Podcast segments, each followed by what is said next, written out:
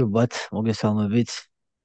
ძალიან ადრე ნიუ-იორკში თითქმის თელესოფლიო მეზიზღება, მაგრამ გიომ გიომ მასმერე რაც ნახან ილია ტოპურიას ინტერვიუ ერიელ ჰორმონისთან, თუხელ მითხრა რომ უეჭველი უნდა ჩავწეროთ ექსტრა ბონუს ეპიზოდი ამასთან დაკავშირებით და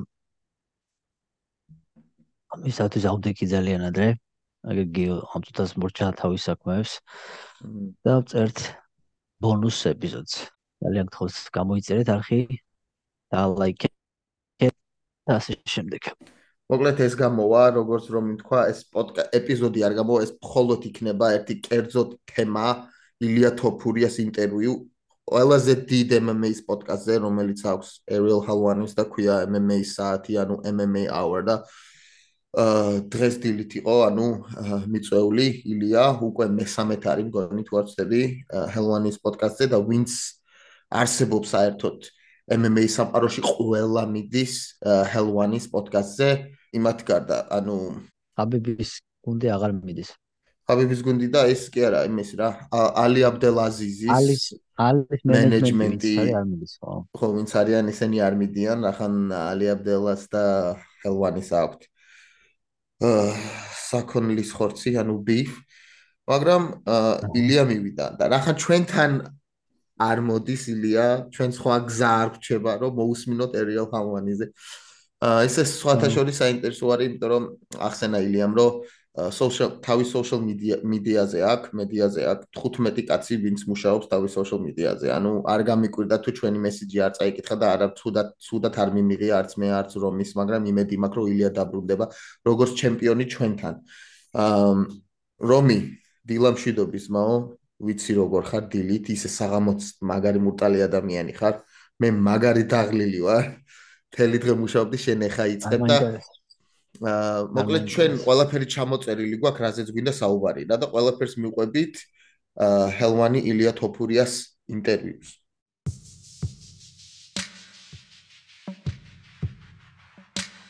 მოდი დავიწყებ რა და პირველი კითხვა რა თქმა უნდა რაც ძალიან მნიშვნელოვანი არის არის როგორ მიწავიდა ან როგორი იყო ეს მომზადების კამპი ილიასი სხვა კამპი სხვა კამპებთან შედარებით.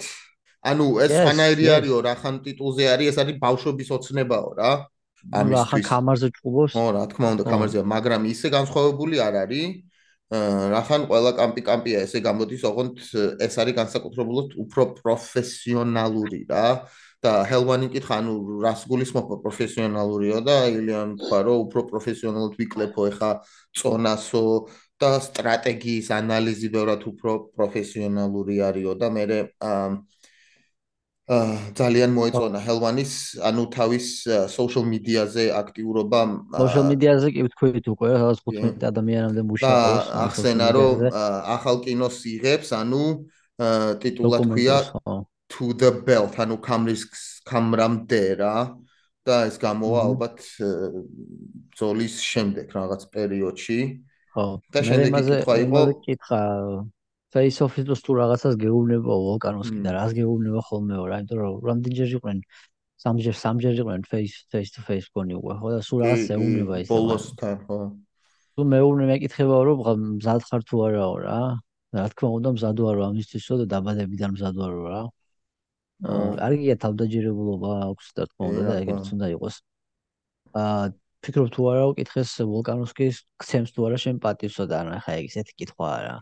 თქმა უნდა გცემს პატივს და ერთმანეთს ცემენ პატივს ხა არაფერი პირადული მაგათ ერთმანეთში არ აქვს და კი მიხედავთ რომ ერთ ერთის და მეორეს ფიქრობენ რომ თავის მოწინააღმდეგეზე გაცლებით უმაგრები არიან ამ შემთხვევაში პატივის ცემა არ დაკარგულა და როგორც მებძოლს უნდა ცე პატივი ერთ ერთის შემთხვევაშიც და მეორე შემთხვევაშიც, იმიტომ რომ ორივეს აქვს ესეთი ატრიბუტები, რაც მას შეუძლია პრობლემები შეუქმნას მეორეს, ასე რომ ილიამ თქვა რომ კი პატივს მცემსო და მეც მცემო და ეგ იმაში გამოიხატებაო რომ მე როგორც ვარჯიშობსო და მე როგორც ვარჯიშობ და ვებზადებიო, ეგ არის ყველაზე დიდი პატივისცემის გამოხატულებაო რა.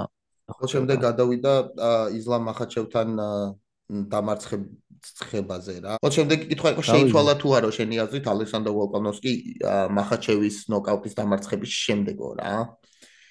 რომელზეც უპასუხა რომ არ ვიციო ილია, იმიტომ რომ მე არასდროს არ ყოფილვარ დამარცხებულიო რა. აა ონა რას ფიქრობ და რას განიცდის არ ვიციო რა, ანუ მეში პროფესიონალურად რაც დავიწყე ჩუბი არ წამიგიაო და ასე რომ რას განიცდის მართლა ვერ გეტყვით არ ვიციო რა. კი. ფიქრობ თუ არა ძალიან მალე დაბრუნდაო ოკანოსკიო მაგაზე ну ისეთი ორაზროვანი პასუხი გასცა. თuthlisო რომ მზადარიო ესე იგი მზადარიო ჩემი საზრუნავი არ არისო მის საზრუნავიაო და საერთოდ სწორ გადაწყვეტილებებს იღებს ხოლმეო რა.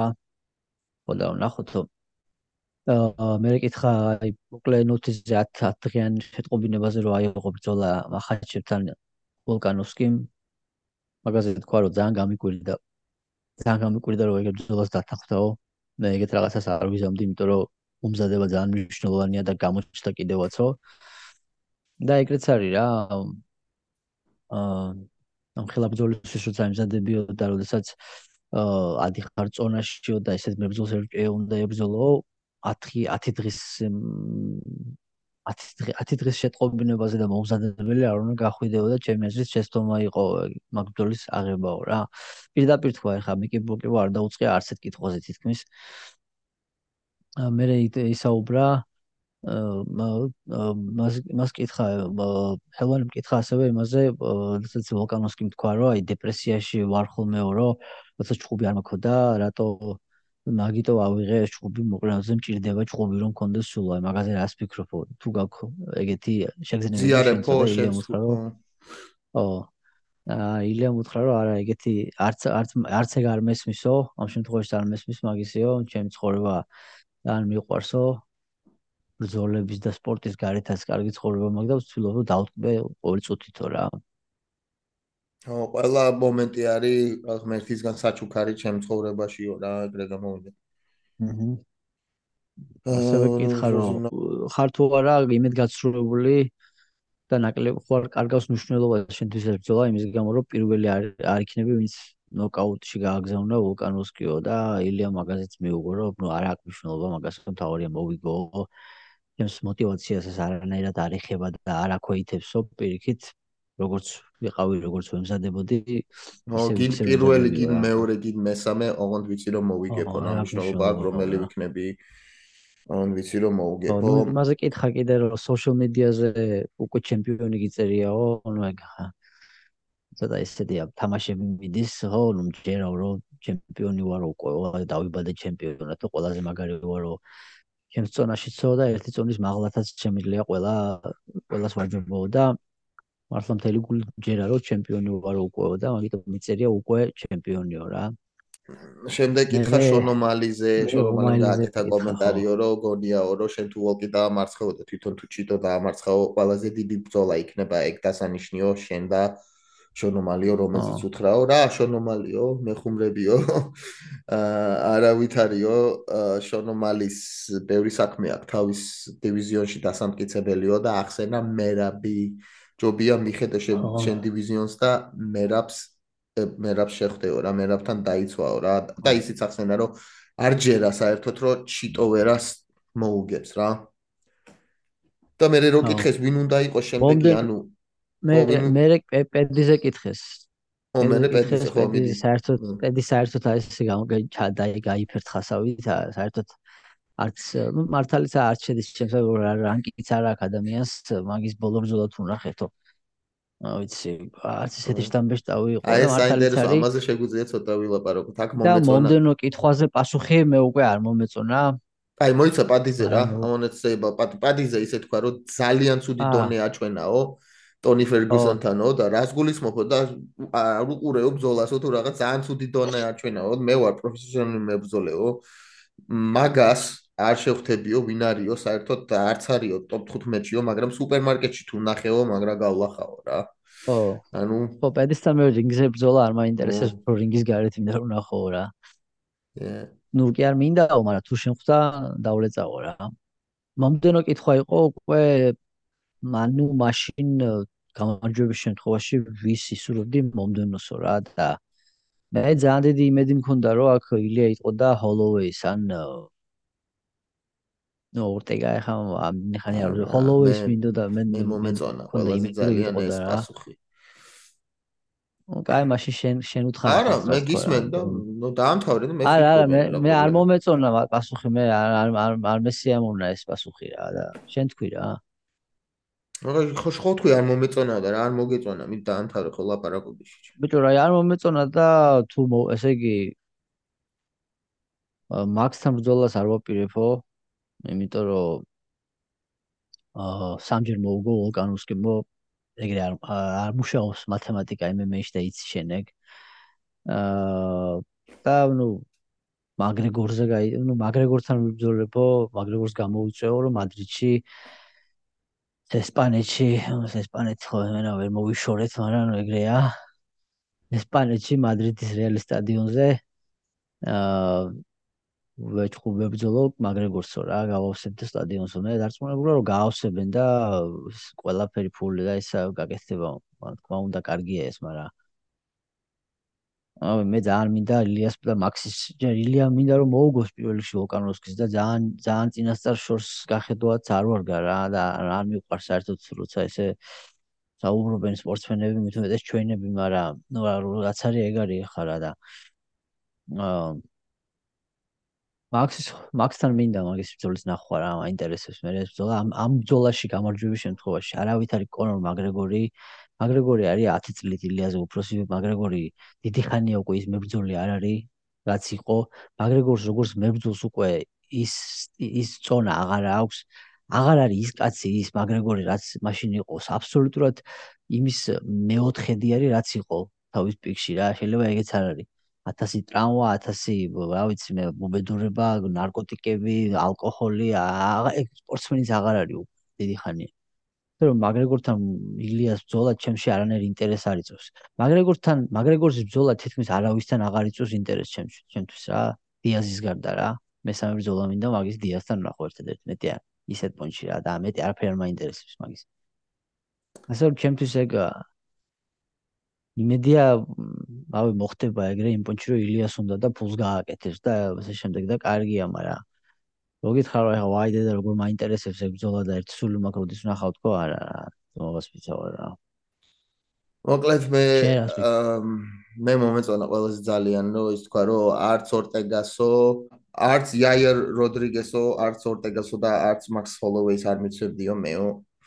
რა ხან ყველას ყველას მარცხია განსაკუთრებით მაქს აქვს სამი მარცხი და იყურება როგორც ბიზნესმენი რა, როგორც ყველა ეხა მაგ ხრივ რომ უნდა გააკეთოს ისტორიული ევენტი, პირველი კარტა, რომელიც უნდა რომ იყოს ესპანეთში და იმედი აქვს და თუ მართლა იქნება კონორ მაგრეგორთან ეს ეგ ბრძოლა, იქნება ყველაზე დიდი საერთოდ ალბათ ერთ-ერთი საუკეთესო ნომრები იქნება მაგ ბრძოლაზე რა და ხო და ისა მაგრეგორზე მაგარი თქვა ბოლოს რომ მაგრეგორიო წავაო სახშიო, ცოლს ეტყვისო, წითელი ტრუსიკი გამოიტა, გამოიტანოსო და უთხრასო, რომ თოფურია, თოფურია დიდრად გტოვებსო რა. ანუ თვითონ მაგრეგორის ისენი იხმარა რა, ხო ასე ხარ ბრედ პენტინა და რაღაც და აა ნაუ მე ვფიქრობ, რომ მართლა ლეგენდარული იქნება თან თუ ქართველი მოესწრო აა მაინც ამის ეპოქა სანამ აქტიური არის რომ შეხვდეს მაგრეგორს, რავი, ჩემი აზრით მაქს ჰოლოვეის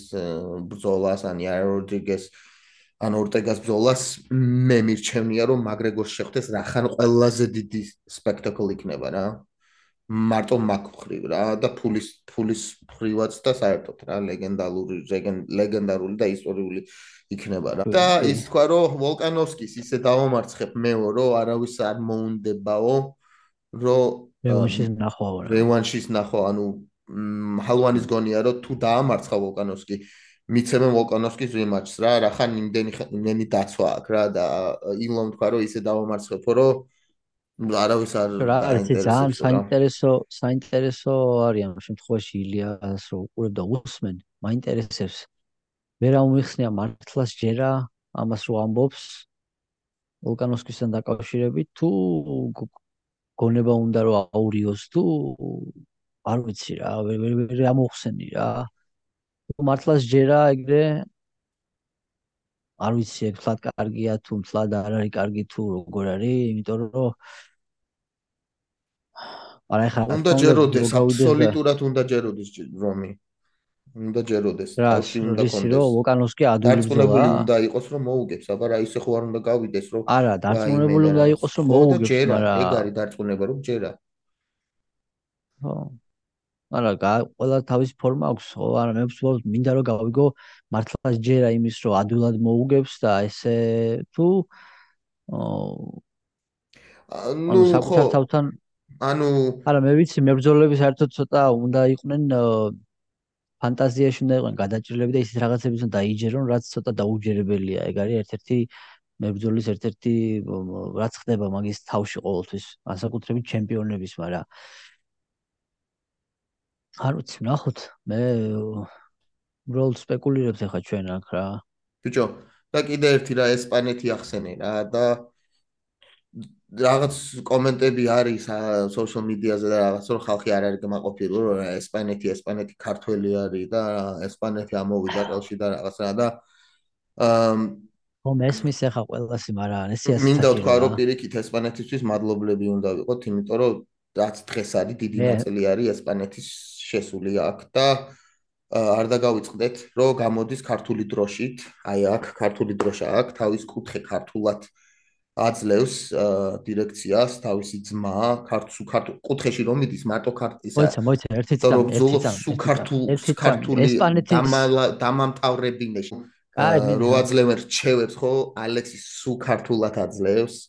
აა არ დაგავიწყდეს ფადის ფიმბლეტის ბიფი საერთოდ რატო დაიწყო საქართველოს დაიწყო და ილო არის ჩვენიანი რა და ბიჭო, მომისმინე. გინდა ესპანი ესპანეთის მადლობელი, ესპანეთის მადლობელი უნდა ვიყოთ ჩვენ ქართველები თუ ესპანეთი უნდა იყოს ჩვენი მადლობელი ესეთ სპორტსმენებით რომ ამარაგებ ჯიუდოში, MMA-ში. ანა, ორივე, მაშინ ორივე რა, იმიტომ დიდი ნაწილი არის რა, ილიას დღეს დღეს რაც არის ეს არა, ეს ილია უნდა იყოს მადლობელი ესპანეთის, ხო?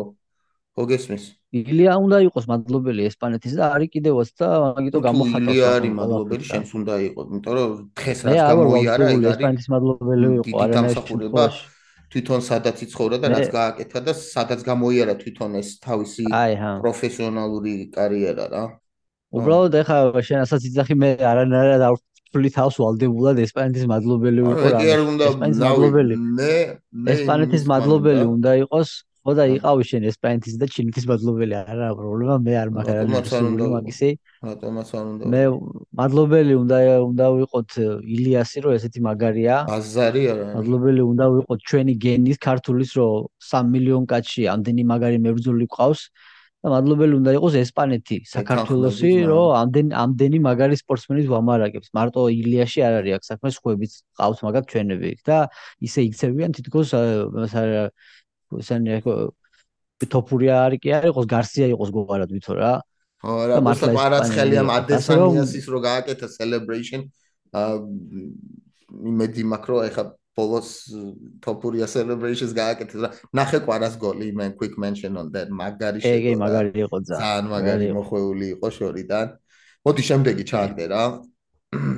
შემდეგი არ გვინდა გავაგზავნოთ ახლა ივენთის ესპანეთში ამას შევეხეთ უკვე მაგრეგორის წინა და ჩამოვლენ თუ არა სერხიო რამოსი, მესი, ხორხე ალბა და ეგეთი პიკე და ეგენიო, რეალის და ბარსელონას ფეხბურთელებიო.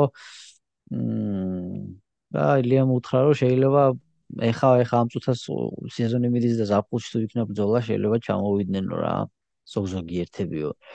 აა კიდე ესე მოდელობას შეეხო ეხა მოდელ მოდელ რა ვიცი ხა მე ესეთი კითხვები არ მაინტერესებს მაინც და მაინც მაგრამ შენ თუ გინდა რა ვიცი თქვათ ეხა მოდელ მოდელობითაც ვარ დაკავებულიო არა პირიქით არა რა მოდელობითო ჰელმანი მკითხა მაგა ის მეებში ნახეო ჟურნალებშიო და მოდელ მოდელი ხო რა და არა რა მოდელიო უბრალოდ ბიზნესმენი ვარ მე.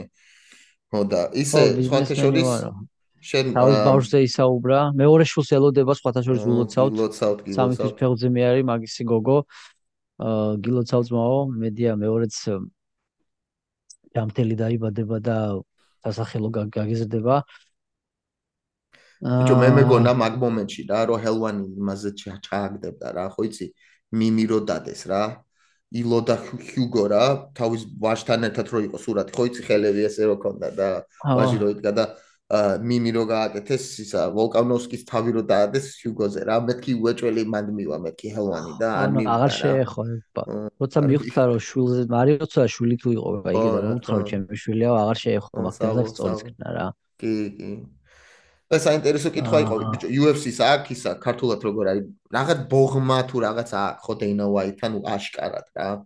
და რაღაც თითქოს ისე არის რომ ჰელვანის რა they have like long one is ექნება აბა არ ექნება oh how long beef რა და შემდეგ კითხვა მაგაზე გეუნებოდი რომ აა ყველა სულ ეკითხება ხოლმე კონტრაქტი რომ თარდებათ რომ აა გინდოდა თუ არა რომ წასულიყავი სადმე სხვა ორგანიზაციაში? ერთი წამი ჯერ ერთი მან მარტო ფოგმა არაფერს ვაში არ არის. რომ ჰავანი კარგ შევა მაგას რო ეკითხება ყველა ყველა მებრძოლს უნდა კონდეს ეხა პოლიტიკაში UFC-ს და MMA-ს პოლიტიკაში არ მინდა რომ გადავიჭრე მაგრამ ყველას უნდა კონდეს მაგისი საშუალება და სურვილიც რომ ნახონ რა ხდება UFC-ს გარეთ, მაგრამ არ არსებობს მარკეტი UFC-ს გარეთ, იმიტომ რომ ყველა UFC-ში იკლავს თავს და მაგიტომაც free agency market-იც არ არსებობს თითქმის რა, არ არსებულია. Bellator იყო ერთი, ეხა PFL-მა იყიდა, მე PFL-ს UFC იყიდის. და მე კიდე ვიღაც გამოჩნდება იმასაც UFC იყიდეს Pride, Strike Force, Elite X, WFC და ყველაფერი შესყიდული აქვს UFC-ს რა. და ასე რომ არ არსებობს ბაზარი, არსებობს UFC. всё. აგზილ. ხო და ისე რამდენი რამდენი გინახია რომ UFC-დან წასულიყო, როცა იყო თავის მართლა პიკში, ეხა ენგანუს ჩატ ენგანუს არ გულისხმობ რა ყველა მიდის როგორ იცი რომ უკვე UFC ან ბევრი მარცხია აქ ან უკვე ასაკშია შესული და ისე მიდის რა ცუდად რა ხო გესმის. აა კიდე მოდია ვიცი ალბათ ეგ არის უ რა და დიდხანს აღარ გავაგზავნებთ მგონი თუ არის დასამატებელი ხო. მერაბზე ისაუბრა საქართველოსზე თქვა კიდე ერთი ორი სიტყვით რომ ალბათ ყველა ნუ ყველა ჩართული იქნება მთელი საქართველოს გულშემატკივრებსო ვიციო. თვითონ არ ვთქვამს კითხა ჰელვანიმ და მე თქვა მერაბზე თვითონ თქვა რომ ო მაილი ჯობია მერაბზე იფიქროსო და ძალიან კარგია რომ თუ ეგეც კითხა მგონი რომანზეც კითხა რომ რა ო კითხა ნუ კითხა ქართველებზე ჰელვანიმ რა და ისაუბრა რომ ძალიან მაგარია რომ ქართველთან ერთად მიწევსო ამ ქარზე ჭუბიო საქართველოსში ყველა მიყურებსო ვიციო და გულშემატკივრებსო ტელევიზიით გადასცემენ ბრძოლასო. და ისე და ისე იმაზე ისაუბრა რომ ძალიან აი ესეთი დამწყები მოჩხუბარივით გავლახავ ოლკანოვსკისო რა ძალიან საინტერესოა მოხდება თუ არა იმიტომ რომ იმიტომ რომ ცოტა რთულია ეხლა წინასწარ ეგეთი რაღაცა დაიჯერო რა. მე მიჭერს მაგრამ ეხლა მე მინდა ვილიამ მოიგოს რა თქმა უნდა. მაგრამ მიჭერს ეხლა იმის დაჯერება რასაც ეგ ამბობს. აა მაგრამ ნახოთ. მაგათ ეგ თუ ეგრე მოხდა შეიძლება ჩვენც და მთელი მე სამყაროც შეიძლება გამოვშტერდეთ რა ესე ეგრე რო ხსნას მართლა ამაბილია ამაბილი იქნება ეგ. ამაბილი I know you are. მოკლედ ისა ძალიან სწრაფად ვილაპარაკეთ, ბევრი დრო არ ქონდა და ეგ იყო ჩვენი ზედმეტი. ნუ ეგ იყო ძირითადი ისა დანარჩენები უკვე, ხო, დანარჩენები უკვე ისეთი ბოლოს გამოიმშვიდობა და ეს იყო ძირითადი რაც ყველაზე საინტერესო რაც ითქვა. და რა ვიგე შენ რას ფიქრობ? თლიანობაში აბა მე მითხარი შენი აზრი ამ ყველაფერთან დაკავშირებით რა. აა ილოს პერსპექტივი არ მიმაჩნია მესმის მესმის რომ შეიძლება გარეთვალიდან აი შეხედო ისე რომ ძალიან ეს არის like ამპარტავანი ქვია მაგას რომი ამპარტავანი თუ რა like cocky. ხო ნუ ხო რა ხო ეს მისო შეიძლება თუ არის ცნო მაგარიდან უყურებ ნუ ხო რა. აა პირიქით მომწოს თავისი თავდაჯერება და არანაირად თავდაჯერებულობა. მე მომწოს თავისი თავდაჯერებულობა და ძალიან ინტელიგენტად მიმაჩნია თავის აზროვნებით, როგორც არის ინტელიგენტი თვითონ ბრძოლის ინტელიგენტია IQ და რა ვიცი რა ველოდები როგორც არასდროს არ ყოფილა არ ყოფილა ესე მოლოდინში ამ ბრძოლაზე რა მერაბისიც და ილიასიც რა ორივესი და დიდი იმედები იმედები მაქვს რა ო არაფერი ეგ არის რა მე უკვე თქვი ჩემი სათქმელი there you go man ბიჭო იცი ვის გავხარ აღარ ცოტა გძელი თმები გინდა და ის იქნება dude. ხო იცი dude ის რა კინო არის? ყველას რომ გლებოვსკი. ხო ხო ბიგლობოვსკი. ეგეთი ხალათი არაცვია? აა არო ჩე dude. I'm the dude, dude. dude საქმეს მიყვეთ და დაუბრუნდებით, ანუ აა შემდეგ fight კარტაზე, რომელიც იქნება ჯო პაიფერ და ჰერმანსონი რა. აბა ჰე უმესი მადლობა გეწადე დოჯის გამოყევით Spotify-ზე, Apple Podcast-ზე, დროებით გემშვიდობებით.